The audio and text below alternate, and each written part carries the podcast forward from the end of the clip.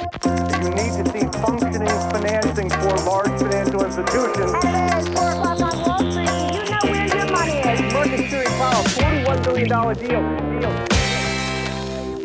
Då var det äntligen dags för investerarens podcast nummer 52 i ordningen och den här veckan ska vi prata om utdelning och utdelningsaktier. För det är ju nämligen så här att nu när jag spelar in det här så är det bara några timmar kvar, eller inte några timmar innan jag ska gå och lägga mig men några timmar kvar innan det är dags att stiga upp och äntra en ny börsdag och därmed också Avanzas bokslut som släpps nu här då den 17 januari klockan 8 på morgonen. Det är ju en fördel med att jag jobbar på Avanza istället för SEB. För SEB släppte rapporten klockan 7 på morgonen. Och Avanza de släpper den vid 8 så då får man ju ytterligare lite sovmorgon vilket är väldigt skönt när man inte är morgonmänniska. Jag brukar säga att jag går och lägger mig absolut tidigast en bit efter amerikanska börsens stängning och då går definitivt att försöka i alla fall att lägga mig innan Asien öppnar. De öppnar någonstans mellan 12 och 2 på natten lite grann beroende på de olika marknaderna där borta. Men just det här med rapportsäsongen, det är roligt, det drar igång. Vi får se hur bolagen mår, hur försäljning, marginaler, lönsamhet har utvecklats och vad bolagen säger om framtiden, hur det gångna kvartalet har varit och vad de framförallt säger om framtiden Framtiden och orderingång och allt vad det är. Och eh, i samband med de rapporterna som kommer nu då, då är det ju faktiskt också boksluten och då kommer ju också utdelningsförslagen som eh, bolaget lägger fram till eh, årsstämman att, att besluta om då helt enkelt. Och i och med att vi får de här boksluten då kan man läsa kommunikéerna och där ser man ju förslagen till utdelning då också. Och då får vi ju ett hum om hur utdelningstillväxten kommer att se ut. Nu är det ju sällan så att årsstämman beslutar annat än vad styrelsen lägger fram till förslag för stämman att besluta om just när det gäller utdelning. Det är klart att det kan finnas vissa exempel på det men allt som oftast så klubbas det ju igenom eh, någorlunda i alla fall. Det brukar ju inte vara några konstigheter. Så att redan när boksluten kommer, redan när förslaget om utdelning kommer så kommer jag i alla fall diskontera och se kom, Har det här bolaget höjt eller sänkt eller behåller man det oförändrat? Eh, och årets största Eh, frågetecken det kanske är Hennes och Maurits. Vi får helt enkelt se ifall de behåller 9 kronor och 75 öre som vi har haft sedan 2014 och vi har ju snällt och lydigt väntat och sagt att det är helt okej okay att ni inte höjer utdelningen för ni har sagt att ni investerar för framtiden i online och online-plattformen och den där växer ju så pass fint och bra så behåll pengarna. Och sen så gör ni någonting riktigt, riktigt bra där så att, vi, så att eh, värdeskapandet får komma oss till del lite senare när vi skördar frukten. Och sen vet ni hur det gick då från 3 mars 15 2015. Och i fjol försökte de sig på en liten abrovink också att det skulle återinvesteras i, i nya aktier och sådär att man inte skulle få utdelning riktigt i kronor och ören och det där var ju något som marknaden absolut inte gillade. Jag eh, tror att budskapet gick hem hos familjen Persson och det ska bli otroligt intressant att se hur man gör i år. Dels om det nu är så att man kanske inte riktigt har ehm, de, eh, vad ska vi säga, eh, det torra krutet att man har sparat i ladorna för att kunna ge den utdelningen man har gett under de senaste åren samtidigt som man nog förstår att marknaden inte är speciellt sugen på någon form av abrovink eller finansiell alkemi utan att man kommer nog syna utdelningen ehm, ganska noga. Så att eh, är det här året när eh, H&M tar tjuren vid hornen och faktiskt sänker utdelningen och vässar klorna och säger att nu hårdsatsar vi på framtiden. Det återstår att se helt enkelt. Men hörni, det är ju i mitten på januari, det är ju fattig januari eh, som är populärt att skriva om och det är löning nästa vecka vilket innebär att det också är uppesittarkväll nästa vecka. Jag har ju inte riktigt sammanfattat fjolåret så jag tänkte ta tillfället i akt och lite snabbt bara reflektera över mitt fjolår. Eh, och det kanske du har gjort på eh, via tjänsten ditt Avanza ifall det är så att du har Avanza. Så kunde du ju se lite grann hur, hur, du, hade, hur du presterade i fjol. Liksom, vad du fick för avkastning och hur du, mycket du totalt ökade förmögenheten och ehm, ja, vilken dialekt det där vart då. Och eh, hur många transaktioner du har gjort under året och sådär. Och jag tror att stundtals under fjolåret så var det ju ganska piggt börshumör och vi var upp ganska mycket fram till 29 augusti då, även om vi drogs med oron kring handelskonflikten egentligen hela den sommaren. Ehm, och jag var väl upp, eh, jag tror att jag var upp 14% eller något sånt där eh, under året. Så inga hiskeliga nivåer, men tänk om jag hade kunnat få 14-15% om året, då hade jag varit alldeles underbart lycklig. 15% om året, det är ju liksom, det fördubblar eh, pengarna vart 50 år. Skulle jag få det fram till pension skulle det vara en miljard.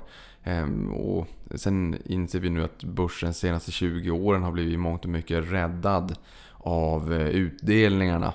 Ehm, och sen kommer det alltid vara så, jag menar, senaste 20-årsperioden har vi både IT-krasch och finanskris. Så det har ju varit en ganska turbulent tid. Men det har ju också gjort att det har funnits väldigt många fina lägen. Eh, jag tror inte att man kanske behöver just 15% för att, ehm, för att känna att det finns en ekonomisk trygghet i grund och botten. Eh, och just det där en miljard eller inte. Ja, en, jag vet inte vad skillnaden på 100 miljoner och en miljard är i termer av likvida medel på konto. För man lär ju inte ha det oplacerat. Eh, och de flesta som har, ja de flesta av våra svenska miljardärer Eh, de har ju mångt och mycket sina tillgångar bundna i bolag etc. Så att för mig räcker det att det finns någorlunda vettig trygghet. Så det behöver absolut inte vara 15% men ibland är det ju ganska skönt att kunna drömma iväg. Liksom, vad hade det varit om man hade fått 15% fram till pensionering och då ser man att liksom ränta på ränta-effekten verkligen gör magi över tid. Men amorteringsportföljen, det var ju istället för att amortera på bostaden, nu gjorde jag det även då än tidigare. Nu gör jag det ändå lite mer i och med att jag har eh, två bostäder just nu. Eh, och då eh, har jag jackat upp amorteringen ordentligt och sen så har jag ju självfallet kvar sparandet i portföljen också vilket innebär att avsättningen har eh, ökat avsevärt helt enkelt. Det är klart att amorteringen är ju ett sparande. Det är ju inte optimalt strängkalkylerande nyttomaximerande men det tar ner risken i hushållet och det är ju likväl ett sparande därför att det ökar tillgångarna ju. Men den var upp 8,43% i fjol och var upp 9,65% som mest. Sen har vi swing trading portföljen och kanske en och annan lyfter på ögonbrynen att jag är ju ingen swing trader och det stämmer ju men eh, eh jag har en portfölj som jag har döpt eh, döpt, som jag har döpt till swing trading. Den eh, innehåller faktiskt bara Avanza. Eh, och nej, jag svingar definitivt inte Avanza utan den ligger där. Det fanns en ambition någon gång att det hade varit lite roligt att kunna äga någon aktie på, på några månaders sikt bara för att se om man har rätt i någon form av tes lite grann i det halvkortsiktiga perspektivet och kunna svinga med någon eller några månader så att säga. Och kanske lite grann i lärande syfte sådär också. Det har inte blivit någonting av det. Det är Avanza. Jag kan ju inte ha Avanza i en kapitalförsäkring. De flesta portföljerna har är just kapitalförsäkringar. För ISK kom 1 januari 12. Ehm, och där hade jag ju behövt ha mina aktier i någon annan typ av förvar innan ISK kom. Där har många kapitalförsäkringar då. Men man får inte ha bolagets egen aktie för det är ju bolaget, det vill säga Avanza Pension i det här fallet, som äger kapitalförsäkringen. Och då får man inte ha aktien i en försäkring som bolaget äger. Att bolaget äger sin egen aktie blir det ju liksom förvirrat kaka på kaka. Därför måste man ha den i en ISK, därför har jag Avanza i en ISK, nog med utsvävning. Den stängde på plus 24,34 och den var upp 49,66 som mest under året. Så det var ju en, en eh, hygglig resa där då. Kassaflödesportföljen största minus 5,19. Den var upp 11,29 som mest. Tillväxt minus 3,84 upp 20,04 som mest. Och Worldwide stängde på 15,79 plus upp 42,49% som mest. Egentligen varför jag tog med mig det här och bara ville berätta det för dig idag. Det är att jag inser ju att ja, dels amorteringen är ju en otroligt stabil portfölj. Den har varit det. har varit en väldigt, väldigt låg volatilitet i den. Eh, och har liksom pinnat på sakta men säkert de senaste 5-6 åren. Eh, men den är ju liksom en, en parentes och det är ju egentligen det som är intressant är väl eh, kassaflödesportföljen. Att de stora bolagen, så PRO-ligan, de växer ju inte jättemycket. Det finns ju många bolag på börsen som är liksom de riktigt stora PRO-ligan. 1850 industrialiseringen, mycket OMXS30 som kanske växer lite grann kring, eh, kring BNP och sen så lite grann på det om man ser långsiktigt så att säga. Medan de mindre bolagen tenderar ju kanske att växa lite snabbare. Och det har jag ju märkt både i fjol då och ett antal år så att säga. Att det är ju den som sackar efter lite grann.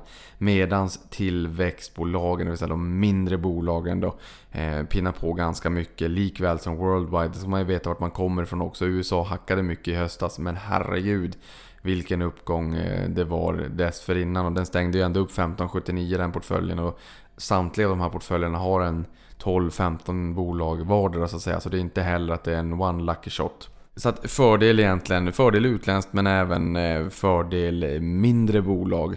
Eh, och vi får väl ha någon småbolagsspecial med någon spännande förvaltare lite grann framåt. För att Ehm, risken är ju högre i mindre bolag, allt annat lika. Det är klart att man kan argumentera liksom för det påståendet också, men allt annat lika. Ehm, och då kanske man ska ha lite småbolag i portföljen långsiktigt. Jag gillar ju att ha eh, lite mindre kvalitetsbolag, alltså bolag som är vad man ska säga, lillgammal eller vad man ska säga. Men någonting annat som jag också fascineras lite grann över det är att det var ett mikrobrally i Eniro. Det är ju första aktien i år som dubblades på Stockholmsbörsen eh, faktiskt. Och bara som nostalgi så kikade jag på årsredovisningen från år 2000 då. Eh, och där eh, skrev man då och var väldigt stolt över att man hade publicerat 750 katalogtitlar och bolaget fanns i 22 länder. Och dessutom var det 97% av den svenska befolkningen som använde gula sidorna. Jag kan ju anta att du som lyssnar på det här, beroende på vilken ålder du befinner dig i, förmodligen hade eh, antingen själv eller hemma hos föräldrarna i, i hemmet så att säga, en, en, en telefonkatalog med gula sidorna. Eh, bolaget noterades den 10 oktober 2000 på 84 kronor. Då kan man tänka, aha just det, Telia noterades ju 13 juni 2000 på 85 kronor. Och har ju fått tituleras som gamla 85an. Eh, och Eniro då 84 kronor några månader senare. Det var ju perfect storm då. Då hade vi ju eh, IT-kraschen började ju 7 mars 2000 så att eh, både Telia och Eniro noterades ju i ett klimat där börsen faktiskt hade vänt ner. Ehm, så att man kan säga nästan kusin till, till gamla 85 och värt att notera här också, det här är ju en utsvävning såklart, ehm, är att Telia ägde 49,1% av kapitalet i Eniro under den här tidpunkten. Och jag tycker väl att det här är ett typexempel på när man inte ska fånga fallande knivar. För hela grundfundamentet och bolagets affärsmodell som den då bygger på har ju ändrats i grunden tack vare teknologisk utveckling. De var ju väldigt stolta 2000 här över att de hade eh, initierat en funktion tillsammans med bland annat Ericsson. Att man på 15 sekunder kunde skicka iväg sin GPS-koordinat, liksom där man befann sig. Och så på 15 sekunder så kunde man få svar om det fanns någon ehm, restaurang eller florist etc. Där man, i närheten av där man befann sig. Och du kan ju tänka dig om alla människor, yra höns springer runt i, en, i, mitt i Stockholm idag. Eller på tunnelbanan eller T-centralen skulle stanna upp och vänta i 15 sekunder för att få svar på eh, vart hen de var på väg istället för att bara använda Google Maps så att det går upp direkt. Eh, det var 2000, nu är det 19 år senare.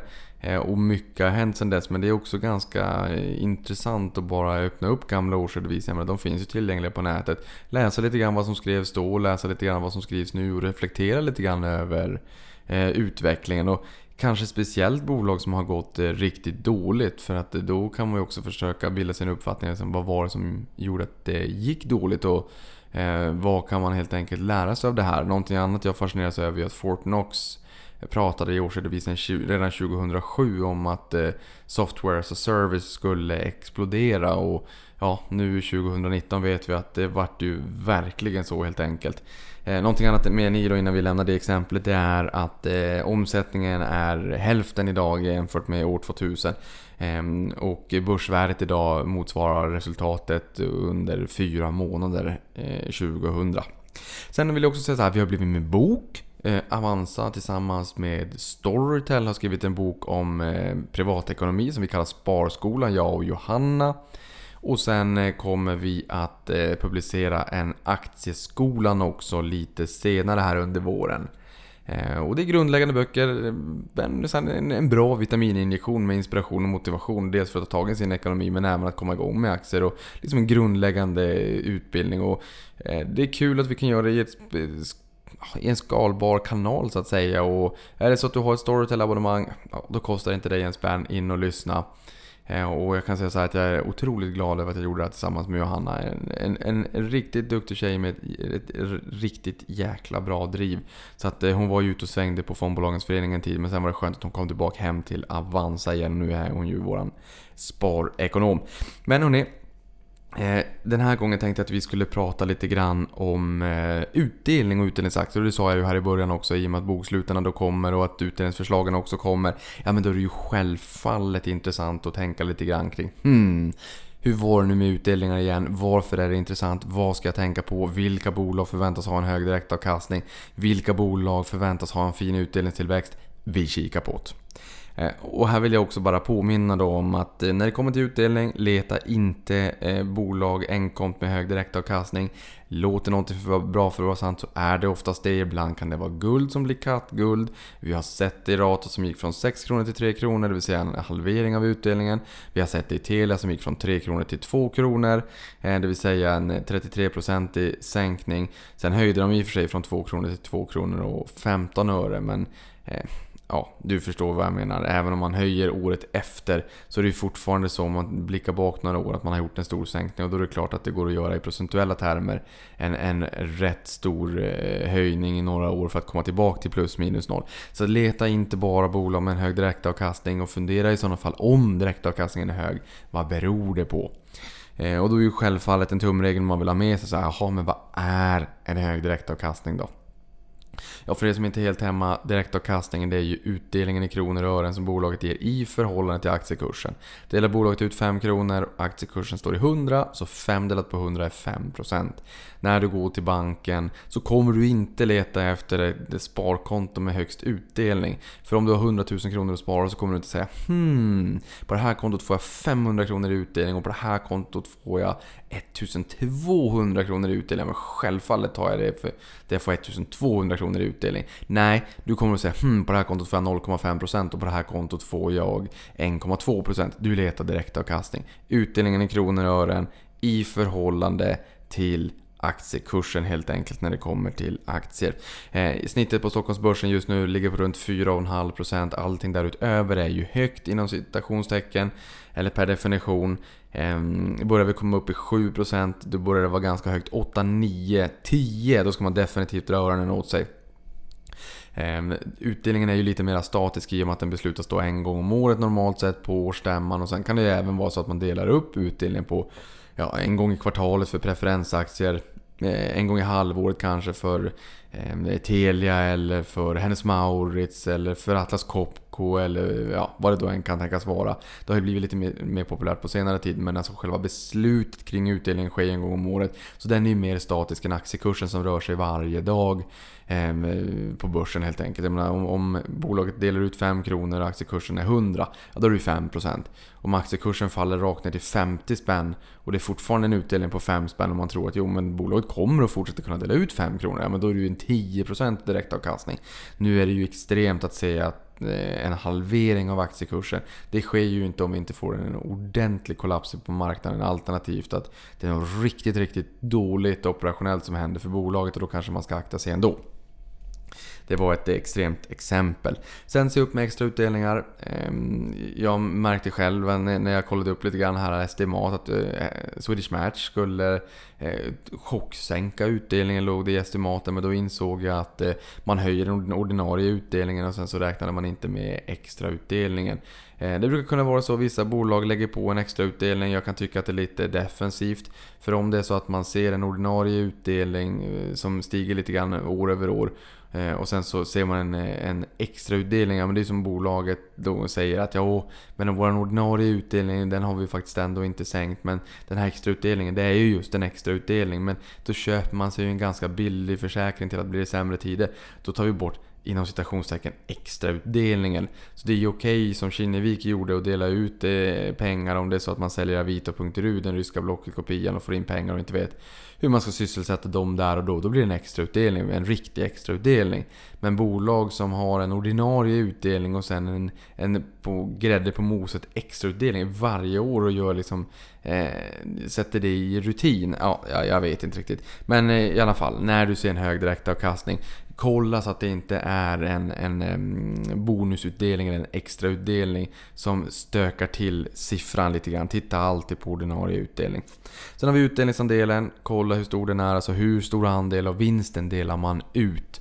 Ehm, och är det så att man delar ut en väldigt stor andel av vinsten, då kanske de här varningsklockorna ringer lite grann. Då ska man åtminstone vara försiktig och fundera lite grann kring hmm, är det här hållbart över tid? Är det så att vi har en hög utdelningsandel i ett bolag vars verksamhet är ganska cykliskt? Ja, då skulle jag nog säga att kvaliteten i, i utdelningen och sannolikheten för att den här utdelningen kommer att eh, bibehållas eller stiga över tid är inte lika säker. Eh, jag skulle nog inte säga till min pappa att eh, köpa den aktien för att ha i en utdelningsportfölj för att få en slant utdelning löpande under året för att få en guldkant på tillvaron. Om det inte är så att det kanske är en liten del av en utdelningsportfölj med väldigt många olika verksamheter. Men jag, det är nog inte den jag skulle kunna tänka mig att köpa först av alla i alla fall. Sen har ju bolagen, de flesta har ju, i årsredovisningen så har de ju finansiella mål och där brukar det ju stå eh, hur, hur, marginalen ska se ut, eh, att de ska växa si eller så många procent, om det är organiskt eller via förvärv eller en kombination av de där. Eh, organiskt vill man ju gärna växa men det kan ju vara med förvärv eller inte, liksom lite grann beroende på. Eh, hur skuldsättningen ska se ut och där är ju även ofta eh, angett då vad man säger kring utdelningen. Och eh, bolagen på Stockholmsbörsen, jag vet att det här är brett men eh, någonstans mellan 30 till 70% av resultatet brukar man dela ut då. Över en konjunkturcykel om finanserna tillåter, så här klassiskt. Ehm, så där får man helt enkelt då, då eh, ja, men se vad utdelningspolicyn faktiskt säger. Antingen de finansiella målen eller om man har en ren utdelningspolicy. Och det sa där alldeles nyss också då om, om eh, bolaget är cykliskt och har en hög utdelningsandel. Ja, då förstår man ju att om eh, konjunkturen mattas av och vinsten faller. Ja, då, kanske, då faller ju liksom vinsten också i bolaget som ett brev på posten. Och ska man då bibehålla en ganska hög utdelning, då kommer den där utdelningsandelen liksom, springa rakt upp i taket. Och då kommer man förmodligen behöva eh, sänka. Någonting annat som är intressant att kika på också det är ju ut, eh, vinsttillväxten. Ehm, Därför att utdelningen är ju en funktion av vinsttillväxten. Och det är ju klart att om, eh, om bolaget gör en vinst på 100 kronor och man säger att utdelningen ska vara 50% av resultatet. Då kommer utdelningen vara 50 kronor. Allt annat lika. Eh, och är det så sen att man kanske ökar vinsten med 15% om året, vilket är en imponerande siffra, och kanske inte 15% varje år, men i snitt säger vi. Då har man ju fördubblat vinsten på 5 år. Och det innebär att man går från 100 kronor i vinst till 200 kronor i vinst. Och 50% av 100 kronor i vinst, det är 50 kronor initialt, år 0. Men 50% av 200 kronor i vinst efter 5 år, det är 100 kronor. Och det innebär ju helt enkelt att eh, den här utdelningen har ju Eh, helt enkelt eh, fördubblats. Eh, så där är det också viktigt att titta på vart tar vinsten vägen? Eh, för att stiger vinsten så stiger ju utdelningen allt annat lika. Och det ger ju oss en utdelningstillväxt. Är det så att vinsten har varit ganska knackig, kika fem år tillbaka exempelvis. Har den varit väldigt knackig, eh, ja, ta den funderare då. Sen lågt betatal. Ett betatal det är ju ett tal som anger hur mycket aktien tenderar att röra sig i förhållande till börsen. Börsen anges som 1, siffran 1. Så är det så att en aktie har ett betatal på 1, ja men då har den rört sig exakt identiskt med börsen. Så går börsen upp 1% så har den gått upp 1%, går börsen ner 1% så har den gått ner 1%. Eh, om den har ett beta på 2, då rör den sig dubbelt så mycket, eller har i alla fall gjort historiskt, både på uppsidan och på nedsidan. Eh, och är det så att den har ett betatal på under 1, kanske 0,5, då rör den sig mindre både upp och ner. Och det är klart att vill man ha en utpräglad utdelningsportfölj, ja, men då är man ju inte sådär särskilt jätteintresserad av aktier som har ett högt eh, betatal. Utan då vill man ju gärna sitta som tjuren Ferdinand under korkeken och lukta på blommorna och inkassera utdelningar löpande under året. Men man kanske inte är speciellt jätteroad av att det rör sig jättemycket i portföljen. Men även om det gör det så kanske man inte får ont i magen, men om man får välja så kanske man slipper. Sen är det ju också så att om det nu är som, som förra året att det stökar till mycket på marknaden och man får ont i magen. Ja men in och kika på utdelningstillväxten år över år. Den är ju väldigt, väldigt solid. Den rör sig inte alls i samma utsträckning som vad aktieportföljen gör. Och jag vill också påminna om eh, det avsnittet som jag gjorde för en herrans lång tid sedan, eh, någonstans i backloggen min, eh, kring bolagen, hur de agerade under finanskrisen. Så 2008 så var det ju bara SEB, Swedbank och Elux som faktiskt eh, slopade utdelningen. Så att det är ganska ovanligt att slopa eh, eller eh, sänka utdelningen utan oftast så vill man ju faktiskt bibehålla eller höja utdelningen. Och är det så att man är ett bolag som inte har en alarmerande hög utdelningsandel Ehm, ja, även om det är så att vinsten faller från ett år till ett annat och man bedömer att det kan vara ganska kortvarigt. Eh, då kanske man bibehåller utdelningen snarare än att man sänker den och sen så accepterar man att utdelningsandelen helt enkelt stiger eh, som ett resultat av att man bibehåller utdelning i kronor och ören men eh, i förhållande till en vinst som är lite lägre helt enkelt. Sen vill jag också påminna om att återinvestera utdelningen, otroligt viktigt. Ehm, jag har sagt det förut och jag säger det igen.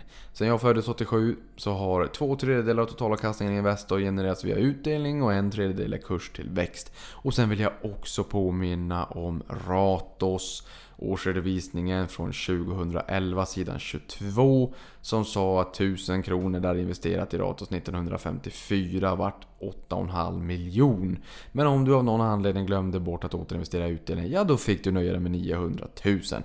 Ehm, ni kommer säkert höra mig säga det här många gånger tidigare. Jag tycker att repetition är kunskapens moder och jag tycker att det är, det är viktigt att inte glömma bort. Och inte heller eh, när börsen är sur och sådär, att man inte glömmer bort vad ett långsiktigt sparande faktiskt gör. Eh, och att man då också kommer ihåg att den här utdelningen som återinvesteras, den är ganska viktig. Ehm, likväl som det löpande sparandet. Sen någonting annat också om man vill ha en utpräglad utdelningsportfölj då, Det är väl kanske att man ska vara lite noggrann också kring eh, att ha olika sektorer i portföljen. Det ska man ju alltid vara förvisso. Men just det där att om eh, bolag får lite problem och får det lite kärvt och kanske sänker utdelningen. Eh, även om jag menar på att det är ganska ovanligt. Eh, så kanske man inte vill ha bolag där alla gynnas eller missgynnas av samma faktorer helt enkelt. Så det är ju ett sätt att sprida på risken då. Eh, och en fråga som man nog får ställa sig själv det är ju om man vill ha hög direktavkastning eller om man vill ha en fin utdelningstillväxt. Vill du ha ett bolag som har en, ut, eh, en direktavkastning över snittet på 4,5% förväntat i år för OMXS30? Vill du ha 5, 6, 7% i, i portföljen? Där du känner att ja, men det är ändå utdelningarna här och nu som trillar in på kontot. Det är de som är intressanta. Jag vill ha en guldkant på tillvaron. Jag vill att baserat och i relation till det beloppet jag har i portföljen få ut och krama ut så många kronor som, och ören som möjligt i utdelning. Ja, det, det är helt okej. Okay. Men är det så att du har en väldigt, väldigt lång placeringshorisont och du egentligen mer brinner för att få en så hög totalavkastning som möjligt, alltså att generera ett så stort kapital som möjligt och sen senare i livet känna att ja, men om jag vill ha Eh, lite guldkant på tillvaron, då kan jag tilta det mot utdelning. Men egentligen så är det väl den totala värdetillväxten av min förmögenhet som är det viktiga. Ja, då kanske man eh, ska fundera lite mer på utdelningstillväxt eller någon form av mellanväg eh, mellan en hög direktavkastning och en utdelningstillväxt. Som sagt, börsens direktavkastning just nu runt 4,5% enligt Börsveckan. Ehm, och de estimaterna som jag har i min Infront-terminal, då kunde jag räkna ut att eh, den förväntade utdelningstillväxten på OMXS30 ligger på runt 6%. Eh, vilket innebär att eh, utdelningen kommer att vara dubbelt så stor efter 12 år. Eh, någonting annat intressant som jag också såg från thefool.com, eller fool.com, en sida som jag gillar vars poddar jag älskar. Eh, Market Foolery, Motley Fool Money, Industry Focus, bara för att nämna några av deras poddar.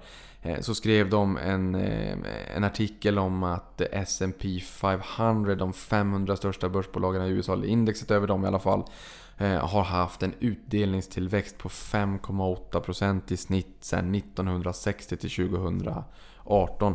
Eh, och det är klart man kan tycka så här, men det är klart att det här kan ju gå, det hade kunnat gå helt åt andra hållet. Nej, det, det tror jag faktiskt inte. Den sannolikheten är enormt liten. Jag menar, har man en, en lång placeringshorisont på fem år Eh, även fast jag kanske inte tycker att det är jättelångt. Då bör man kunna få en positiv avkastning. Vi har tror jag, två årtionden de senaste hundra åren som har eh, gett en negativ eh, avkastning inklusive återinvesterad utdelning. Men en 20-årsperiod, jag tror inte att vi har någon som har varit eh, negativ. Eh, och det är klart att eh, utdelningen hänger ju tajt ihop med vinstutvecklingen som sagt. Och ett index är ju just ett index. Bolag kommer och bolag lämnar.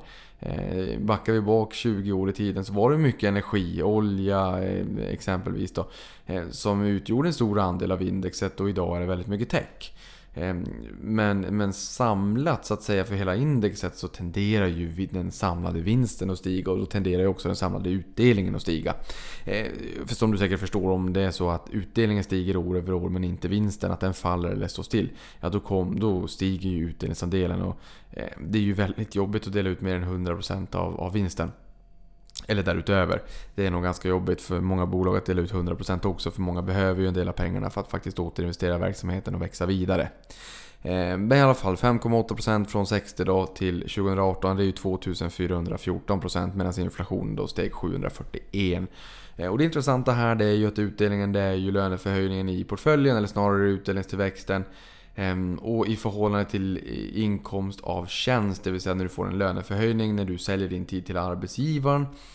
Ehm, så kanske du får en 2% medan eh, här kanske du kan få en 6, 7, kanske 8% om året. Ehm, och det är klart att det är ju som att jämföra Usain Bolt med, att jag, med mig om jag ska springa 100 meter. Usain kommer alltid springa snabbare än mig. Jag är ganska övertygad om att över tid så kommer utdelningstillväxten i portföljen alltid springa snabbare än gemene mans eh, löneutveckling helt enkelt. Ehm, och även om det är väldigt roligt att jobba i ett socialt sammanhang och vänner och kollegor och man känner att man gör någonting vettigt och nyttigt och viktigt och sådär. Så betyder det ju inte att man inte kan ha sina pengar placerade för att låta dem jobba för en också.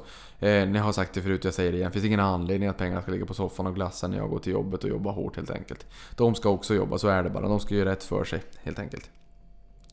Eh, de ska ge eh, rätt för husrum. Eh, men bankerna då förväntas ge högst direktavkastning just nu och bankerna har ju haft det ganska motigt. Och jag menar, eh, SEB som exempel. Eh, jag lämnade den banken för flera år sedan och redan på den tiden så var aktiekursen betydligt högre än vad den är idag. Eh, så det har, varit, det har varit kupongklipperi i bankerna helt enkelt. Och det här med att klippa kuponger, det kommer från en gång i tiden när aktiebreven var fysiska och så var det kuponger man då kunde gå in och klippa och få utdelningen. Jag vet inte exakt hur de såg ut, googla på aktiebrev. Alternativt om du vill gå in på Tradera och köpa ett aktiebrev. Det tycker jag är lite roligt, jag har lite sådana själv. Men bankerna förväntas då ge högst eh, direktavkastning och eh, de har stigit på senare tid och delvis så har aktierna gått ner men sen har också utdelningsandelen faktiskt gått upp i bankerna. Men här är Nordea som ligger högst och den här siffran tog jag ut bara för någon dag sedan. Då ligger de på 9,2% i direktavkastning, en utdelningsandel på 85%. SEB 7,1, 59% i utdelningsandel och det här är ju estimaten för i år då. H&M på 7%, eh, en utdelningsandel på 112%. Mm -hmm. Det här som jag sa lite nyligen också, det blir intressant att se om det så att H&M faktiskt kan fortsätta med den utdelning man har haft. Jag tror att det, det är många som kommer att följa den frågan alldeles oavsett om man har H&M i portföljen eller inte. Sen har vi Swedbank 6,8%, en utdelningsandel på 74%. Handelsbanken 6,7%, samma utdelningsandel 74%. Telia 5,5%. De delar ut 139% av resultatet. Där är det väl lite av och nedskrivningar. Eh, kolla kassaflödet istället så får du en helt annan bild eh, än den alarmerande siffran på 139%. SSAB 4,8, eh, en utdelningsandel på 44%. Boliden 4,4 en utdelningsandel på 33%. Här är ett varningens finger också. Ni kommer ihåg för något avsnitt så sa jag ju det att eh, SSAB och Boliden har kört tandem under 2018. Ena var upp 17,7%, andra var upp 17% som mest. Båda stängde ner 30%. Båda har rallat när vi återfick tron och hoppet om konjunkturen igen och in i 2019. Eh, om Boliden och SSAB kommer kunna bibehålla utdelningarna här eh, varningens finger. Eh, var försiktig helt enkelt. Sen har vi SKF 4,3%, 44% utdelningsandel och Electrolux 4,3% och 68% utdelningsandel estimerat för i år. Eh, sen om vi tittar på de eh, bolagen som har allra finast utdelningstillväxt. Ja, då har vi SSAB, SCA, Sandvik, Volvo, Autoliv, Securitas, Alfa Laval, SKF, Hexagon och SEB. Eh, SSAB, ja, den blir ju jättehög den siffran. Eh, det har nu gått väldigt bra eh, för bolaget på senare tid. Ehm, det här är ju väldigt starkt kopplat också till ehm, eh, världsmarknadspriser och till konjunktur och den här svänger ju väldigt mycket. Ehm, men samtliga de här bolagen har en utdelningstillväxt som är tvåsiffrig. Och sen har vi Swedish Match också på 16%. Det där såg ju lite konstigt ut. För det såg ut som att den skulle falla väldigt mycket men eh, den ordinarie utdelningen stiger ganska fint faktiskt. Sen får vi se, det kommer säkert en bonusutdelning eller en extrautdelning, det har jag faktiskt ingen aning om. Sen utanför OMXS30 så skrev Dagens Industri om eh, en aptitlig direktavkastning i JM, alltså bostadsutvecklaren. Tieto och Lupe, eller Lundin Petroleum då. Eh, och den här artikeln skrevs vid årsskiftet. Nu har ju börsen gått upp lite grann sedan dess. Men då var det 6,4% för både JM och Tieto och så 5,6% för eh, Lupe. Eh, och tittar vi utanför storbolagslistan enkom och utanför OMXS30 eh, så finns det ytterligare en artikel som Placera skrev också slutet på året. Och då ser vi att A3 ligger på 9,3%. Eh, Nordea, det har vi redan nämnt. Kappahl 8,8%. Eh, Oil 8,5%. Arion Banki kom ju in ganska nyligen på börsen. Isländsk bank eh, har ju en, anor i Kaupting som gick omkull under finanskrisen. Nu ser ju eh, låneböckerna helt annorlunda ut förvisso. Ehm, Dedicare 8,3, Ratos 8,3. Eh, det är ju intressant att se att Ratos gick ju från 6 kronor till 3 kronor i utdelning. Aktien har ju haft det väldigt, väldigt motigt. Nu är direktavkastningen uppe på höga nivåer igen. Ehm, och det är väl kanske inte för att eh, Eh, rörelsen har varit fantastisk och gått jättebra utan eh, för att kanske då aktien haft det lite motigt. Eh, Oriflame 8,1, Boliden 7,9, Cibus 7,8, Clas Ohlson 7,5, SEB 7,2. Och nu, några av de här aktierna nämnde jag ju nyss. Ehm, de siffrorna som jag nämnde nyss är de mer korrekta i och med att de kikades upp bara för någon dag sedan. Lucara 7% och sen har vi Elektra 6,8%. Så det är ju de bolagen som förväntas både eh, växa vinsten allra mest och här är även de bolagen som förväntas ha högst direktavkastning. Eh, och det kan vara ganska roligt, så all, det är väldigt många som, som gillar direktavkastning och utdelning, det vet jag. Eh, det vet jag också på placerat. Så fort de skriver om utdelning så blir folk alldeles som tokiga. Folk älskar utdelning. Man kanske tänker lite grann som det klassiska citatet att “The only thing that gives me pleasure is to see my dividends coming in” Ehm, och jag hoppas att du utdelar, eh, utdelar eh, återinvesterar de utdelningar du får om du inte behöver dem i, i dagsläget. Ehm, utdelningen blir ju någon form av eh, spel för galleriet om det är så att du är långsiktig i aktiemarknaden. Det är som att ta pengar från en spargris och bara flytta till den andra. Men likväl så är det ju så att det är någon form av grundtrygghet också för att får du en peng utdelat varje år så det, det blir liksom mera handgripligt att det, avkastningen i placeringen blir ju mer garanterad än om du bara ska eh, förlita dig på en viss kurstillväxt. Och då kan du ju faktiskt välja när utdelningen kommer. Eh, ska jag återinvestera den här i samma bolag eller ska jag faktiskt återinvestera i någon annan aktie i portföljen? Sen finns det ju bolag som har lyckats väldigt bra utan att ha en utdelning. Det är bara att titta på Berkshire Hathaway i USA där Warren Buffetts bolag, eller Balder i Sverige. Sen det omvända förvärvet av Enlight 2005 har ju också varit en fantastisk resa. Så det är klart att det finns ju alltid undantag. Men jag förstår väl tanken med att utdelningen är mer, liksom avkastningen är mer garanterad i bolag som faktiskt har en utdelning. Eh, och här har mina kollegor också på Placera skrivit artiklar om de aktierna som är allra bästa utdelarna på tyska börsen, på franska börsen, så lite mer exotiskt för oss svenska investerare. Så att in på Placera och kika där de skriver väldigt mycket om utdelning helt enkelt. Hörrni, nu är det dags för ett eh, nyhetssvep. Eh, och då kan vi börja med Slack som grundades 2014 Eh, går i Spotifys fotspår och planerar en direktlistning på någon av börserna i USA då. Eh, och i senaste kapitalrundan i augusti i fjol så värderade man bolaget till 7,1 miljarder US dollar. Eh, och listningen här planeras till Q1 eh, Nej Q2, inte Q1. Q1 är vi inne i nu. Q2 då. Det blir ju april, maj, juni 2019 där. Eh, och också andra techbolag som förväntas komma in. Det är ju både Lyft och Uber.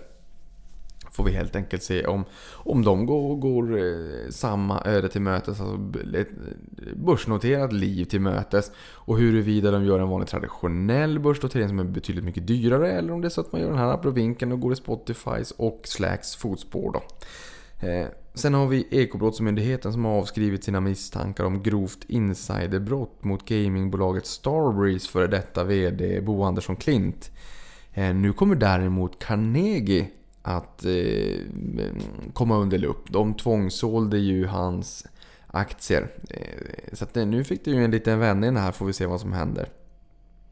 Sen har vi Millicom som har tagit emot ett bud från Liberty Latin America och steg ju på nyheten och här äger ju Kinnevik 38% av Millicom. Så det blir också intressant att se vad man gör av det här då.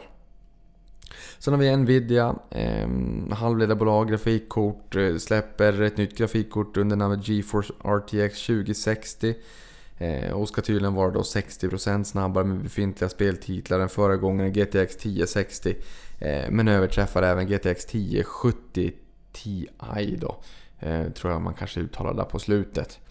Eh, och det här blir ju intressant att se hur det här tas emot för aktien har ju haft det riktigt jobbigt på senare tid och har ju Eh, halverats sedan oktober 2008 och bolaget självt har ju sagt förut att eh, kryptominingen också bara är lite grann som grädde på moset och det är ju inte kärnverksamheten och det är det ju inte heller. Eh, men sen insåg man ju liksom att den här kryptofriendsen som var påverkade kanske i lite större utsträckning än vad man hade trott. Nu såg jag ju här i, jag har ju en ny, inte favorittidning ska jag inte säga, men en, en väldigt trevlig tidning är ju eh, Money Week. En brittisk tidskrift som kommer ut eh, med jämna mellanrum och de skrev ju nyligen då att eh, det numera faktiskt kostar mer att bryta en bitcoin eller mina en bitcoin i energikostnad och i avskrivning på hårdvara man använder för att göra det här än vad en bitcoin faktiskt kostar. Och det är klart att det, det lägger ju förmodligen lite sordin på ens lusta att köpa hårdvara helt enkelt. Man är ju inte riktigt in the money. Kalkylen måste ju gå runt om man inte ska göra en kalkylerad förlust för att man tror att priset ska eh, stiga. Då spekulerar man ju för sig lite grann. Sen har vi ju eh, Latour då som köpte TKS Heis i Norge via sitt dotterbolag Aritco Group. Eh, bolaget grundades 97 och jobbar med tillverkning och installation av plattformshissar likväl som installatör av personhissar. Eh, och i fjol hade de en omsättning på 155 miljoner NOK.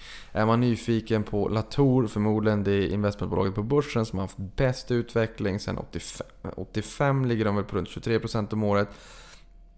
Missa inte avsnitt, eller episod 10 där, eh, där Jan Svensson, avgående vd där eh, gästar podden och, och berättar om bolaget. Investmentbolaget har ju liksom en spännande twist just där om att de vill investera i bolag som gynnas av, av megatrender och strukturell tillväxt. Jag tycker att det är spännande och man har ju även Alimak i eh, Latour-portföljen också så att det här blir ju ett bolag eh, som Ja, det kanske finns några synergier, jag vet inte. Men man, nu har man ju två bolag liksom mot, eh, mot hisskrået eh, helt enkelt. Eh, och på tal om det så kan jag väl även ge en liten kuriosa och det är ju att Kone i Norge, eller Kane, ja tror jag man säger nu, hoppas inte att någon blir arg för Ja i alla fall, någon som kan finska. Kone, Kone, Kone Kranes. Eh, kone betyder maskin. Eh, så att helt enkelt så betyder kone maskin. Och då inser man ju att Konekranes är eh, maskinkranar. Och det är de här maskinkranarna man ser på i hamnområden som hjälper till att lyfta de här containrarna. Och det där är liksom ett löpande band i produktion. Det är supermäktigt att se det här. Vi, Eh, jag såg det när jag var i, i eh, hamnen i Hongkong ganska nyligen. Eh, som har varit en av världens största, och jag tror att det var världens största hamn en gång i tiden, men nu är det inte det längre. Men alldeles oavsett så inser man ju att eh, Konekranes är en, ett derivat på global handel och, och ja, den är väl lite under i skottgluggen precis just nu i alla fall. Nåväl, det var en utsvävning. Jag vill egentligen bara säga att konen betyder maskin. Eh, och med det sagt så är den här veckans podd över. Eh, ganska snart så kommer Jesper Norberg att gästa podden också. Han är ju en eh, alltför härlig linslus som vi har sett de senaste åren på EFN, eh, DITV och numera på Placera sen i början på januari.